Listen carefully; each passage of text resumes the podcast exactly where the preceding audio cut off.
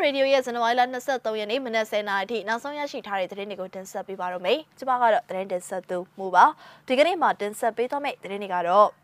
ကတာမြောက်ပိုင်းမှာစစ်လေရင်ဖြင့်ဘုံကျဲတိုက်ခိုက်တဲ့သတင်းချင်းတွင်းမြစ်ကြောင်အတိုင်းစံတက်လာတဲ့စစ်ရင်ရဲ့အုပ်စုကို PDF တိုက်ခိုက်ပြီးစစ်ကောင်စီရင်တစီမီးလောင်ကထိခိုက်မှုများနိုင်ဟုဆိုတဲ့တဲ့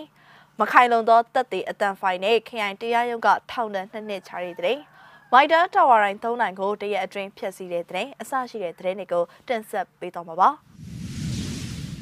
ဦးဆောင်တဲ့အနေနဲ့ကတာမြောက်ပိုင်းမှာစစ်လေရင်နဲ့ဘုံကျဲတိုက်ခိုက်တဲ့တဲ့ရင်ကိုတင်ဆက်ပေးကြပါမယ်။ကတာမြောက်ပိုင်းမှာရှိတဲ့ကျေးရွာတွေ့ရကိုစစ်ကောင်စီဂျက်တိုက်လေရင်တွေကဇန်နဝါရီလ22ရက်နေ့မိုးလယ်ပိုင်းမှာ15မိနစ်ကျော်ကြာအောင်ဘုံကျဲတိုက်ခိုက်ခဲ့တယ်လို့ဒေသခံတွေကပြောပါတယ်။စကိုင်းတိုင်းဒေသကြီးကတာမြို့နယ်အနာအုပ်စုကျွန်းမေကျေးရွာအနောက်ဘက်လေကွင်းနဲ့မိုးလယ်ပိုင်း3နိုင်ခွဲအချိန်ခန့်ကတိုက်ခိုက်ခဲ့ခြင်းဖြစ်တယ်လို့ဒေသခံတွေကပြောပါတယ်။ဒါပြင်ဇန်နဝါရီလ22ရက်နေ့မိုးလယ်3နိုင်ကျော်ခန့်မှာကတာမြို့ကောက်ရံမှာဂျက်တိုက်လေရင်နှစ်စီးပြန်တန်းနေတာကိုစတွေ့ရပြီးတော့ဒစီကမြို့ပေါ်ကိုနှစ်ပတ်ခန့်ဝဲပြန်နေတာကြောင့်ပြည်သူတွေကထိတ်လန့်ကပြေးလွှာပုံအောင်နေခဲ့ကြတယ်လို့ဒေသခံအချို့ကပြောပါတယ်စစ်ကောင်စီရဲ့လေရင်တစီဟာကတာမြောက်ဘက်ကိုမိုးတာဘက်ကိုတက်သွားပြီးတော့ကျွန်းပင်ကျေးရွာမှာဘုံကျဲချကတစီဟာကတာတောင်ဘက်ထိချိုင်ဘက်ကိုဆင်းသွားတယ်လို့သိရပါတယ်အဲ့ဒီတိုက်ခိုက်မှုမှာအဲ့ဒီဒေသကိုတပတ်အတွင်း၃ကြိမ်တိုက်ခိုက်ခဲ့ခြင်းဖြစ်တယ်လို့ဒေသခံတွေကပြောပါတယ်ယခုနောက်ပိုင်းစကိုင်းနိုင်ဒေသရဲ့အတွင်းစစ်ပေးရှောင်တွေလည်းရှိနေပြီဖြစ်လို့လူရည်အားဖြင့်ဟာတောင်ကြီးပိုင်းအထိရှိနေတယ်လို့လည်းသိရပါတယ်ရှင်။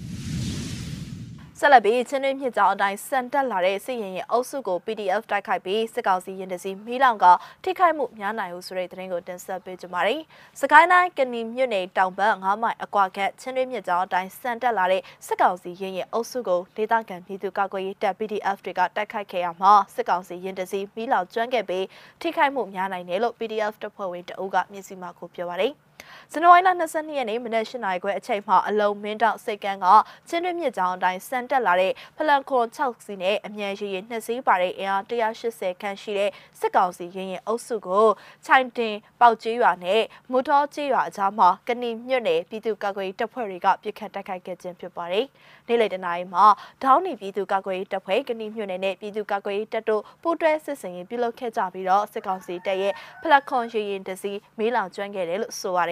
အကြမ်းဖက်စစ်ကောင်စီရဲ့စစ်ရင်အုပ်စုဟာချင်းတွင်းမြေကန်တလျှောက်မှာရှိတဲ့ကျေးရွာတွေကိုလက်နက်ကြီးလက်နက်ငယ်တွေနဲ့ပစ်ခတ်မှုတွေရှိခဲ့ပြီးတော့ကဏီမြို့နယ်မူထော်အရှိရွာအရောက်မှာကန့်ကတ်ရန်နာကဒေသခံတငါသည်တွေရဲ့နေအိမ်လေးလုံးကိုမိရှုဖျက်ဆီးခဲ့ကြောင်းလည်းသိရပါတယ်ရှင်။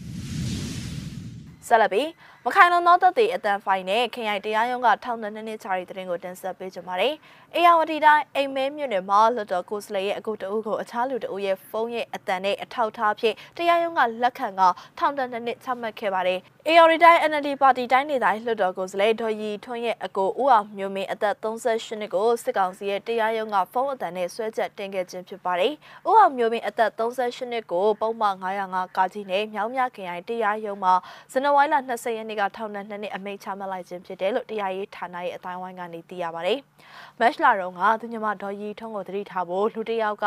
ကိုအောင်မျိုးမင်းစီကိုဖုန်းနဲ့လှမ်းပြောတယ်ကိုအောင်မျိုးမင်းကဟုတ်ကဲလို့ပြန်ဖြေတယ်။အဲ့ဒီအတန်ဖိုင်နဲ့ဆွဲချက်တင်ပြီးထောင်ချလိုက်တာလို့တရားရုံးနဲ့နှီးဆက်သူတို့ကပြောပါတယ်။ဒေါ်ရီထုံးကိုသတိထား၍နေထိုင်ရန်ပြောဆိုတဲ့အတန်ဖိုင်မှာအကိုဖြစ်သူဦးအောင်မျိုးမင်းရဲ့ဖုန်းတွင်မှရရှိခြင်းမဟုတ်ဘဲနဲ့စက်ကောင်စီအဖွဲ့မှရုံးတော်မှာတင်ပြတဲ့တပ်တရဲ့ဖုန်းအတွင်းကအတန်ဖိုင်ဖြစ်တယ်လို့ရှင်းနေအတိုင်းဝိုင်းထံကနေသိရပါတယ်။ဦးအောင်မျိုးမင်းဟာသူ့ရဲ့အိမ်မှာ2021ခုနှစ်စက်တင်ဘာလ17ရက်နေ့ကဖမ်းဆီးခံခဲ့ရပြီးတော့2ရက်ခန့်အကြာမှာပြစ်ချက်မရှိတာကြောင့်ပြန်လွှတ်ပေးခဲ့က3ရက်ခန့်အကြာမှာတော့ဒုတိယအကြိမ်ထပ်မံဖမ်းဆီးခံခဲ့ရခြင်းဖြစ်ပါတယ်။ထို့နောက်ယခုလိုမျိုးထောင်သက်နှစ်နှစ်အမိန့်ချခံရခြင်းဖြစ်ပါတယ်ညီမဖြစ်သူတိုင်းလွတ်တော်အမတ်ဒေါ်ရီထွန်းကသူနဲ့အိမ်နဲ့အတူနေတဲ့အကိုရင်ဖြစ်သူမှာနိုင်ငံရေးနဲ့ပတ်သက်မှုမရှိတဲ့သူတအိုဖြစ်ပြီးတော့အပြစ်မရှိပါပဲထောင်ချခံခဲ့ရခြင်းဖြစ်တယ်လို့ပြောပါတယ်တရားလွတ်တော်ရှင်နေတူကအတန်ဖိုင်ဆိုတာအတူလုပ်လို့ရတယ်ထောင်ချောက်စင်မေးမြန်းပြီးပြောဆိုလို့ရတယ်ပြီးတော့အတန်ဖိုင်နဲ့ရုံးတော်ကိုတက်တည်တင်ပြလို့မရဘူးမခိုင်လုံးနဲ့တက်တည်တင်ပြမှုပါလို့ပြောပါတယ်ဦးအောင်မျိုးမင်းရဲ့ညီမအရှင်ဖြစ်သူ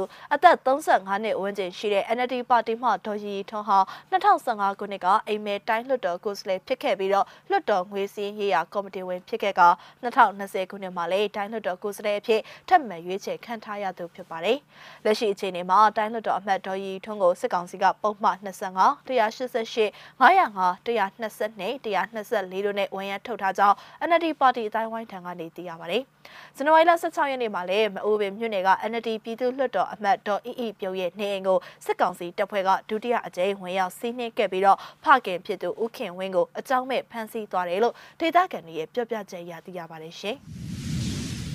နောက်ဆုံးသတင်းတစ်ပုဒ်အနေနဲ့ Mitre Tower တိုင်း၃နိုင်ကိုတရက်အတွင်းဖျက်ဆီးတဲ့သတင်းကိုတင်ဆက်ပေးကြပါမယ်။ AR တိုင်းအတွင်းကမြို့နယ်နှစ်မြို့နယ်မှာဇန်နဝါရီလ20ရက်နေ့ကတရက်အတွင်းမှာပဲ Mitre Phone Tower တိုင်း၃နိုင်ကိုဖျက်ဆီးခဲ့ပြီးတော့လူစလေးဦးကိုလည်းစစ်ကောင်စီတပ်ဖွဲ့ကဖမ်းဆီးထားတယ်လို့သိရပါတယ်။ကြံငင်းမြို့နယ်အတွင်းကကျွဲတဲကျေးရွာနဲ့ရေနံတောင်ကျေးရွာတို့မှာရှိတဲ့ Mitre Phone Tower တိုင်းနှစ်တိုက်ရဲ့အောက်ခြေမှာဆက်ဆက်ပစ္စည်းတွေဇန်နဝါရီလ20ရက်နေ့မနက်9နာရီအချိန်ခန့်ကဘုံပေါက်ခွဲဖျက်ဆီးခံခဲ့ရပြီးတော့လူရှစ်ဦးဖမ်းဆီးခံခဲ့ရတယ်လို့ဒေသခံတွေကပြောပါတယ်။ဒါပြင်အဲ့ဒီညနေ6နာရီအချိန်ခန့်ကပဲမအိုးပင်မြို့နယ်ကျွဲတုံးကြီးရွာမှာရှိတဲ့ Mitre Phone Tower တိုင်းအောက်ခြေမှာရှိတဲ့ဆက်ဆက်ပစ္စည်းဖျက်ဆီးခံရပြီးစစ်ကောင်စီတပ်ကရွာလန်းတလျှောက်တနက်ပစ်ဖောက်ဆဲဆိုကဆိုင်ကယ်စီးလာတဲ့လူငယ်6ဦးကိုလည်းဖမ်းဆီးသွားတယ်လို့သိရပါတယ်။ကြံကင်းမြို့နယ်မှာရှိတဲ့ရခိုင်ရိုးမတောတောင်အတွင်းမှာစစ်ကောင်စီကစစ်ကြောင်းတွေထိုးနေပြီးတော့ဒေသတွင်းလမ်းတွေမှာလုံခြုံရေးတွေတင်းကျပ်နေချိန်အဲ့ဒီဒေသမှာရှိတဲ့ Mitre Phone Tower တိုင်းနှစ်တိုင်းဖောက်ခွဲဖျက်ဆီးခြင်းခံခဲ့ရတာဖြစ်တယ်လို့ဒေသခံအချို့ကပြောပါတယ်ရှင်။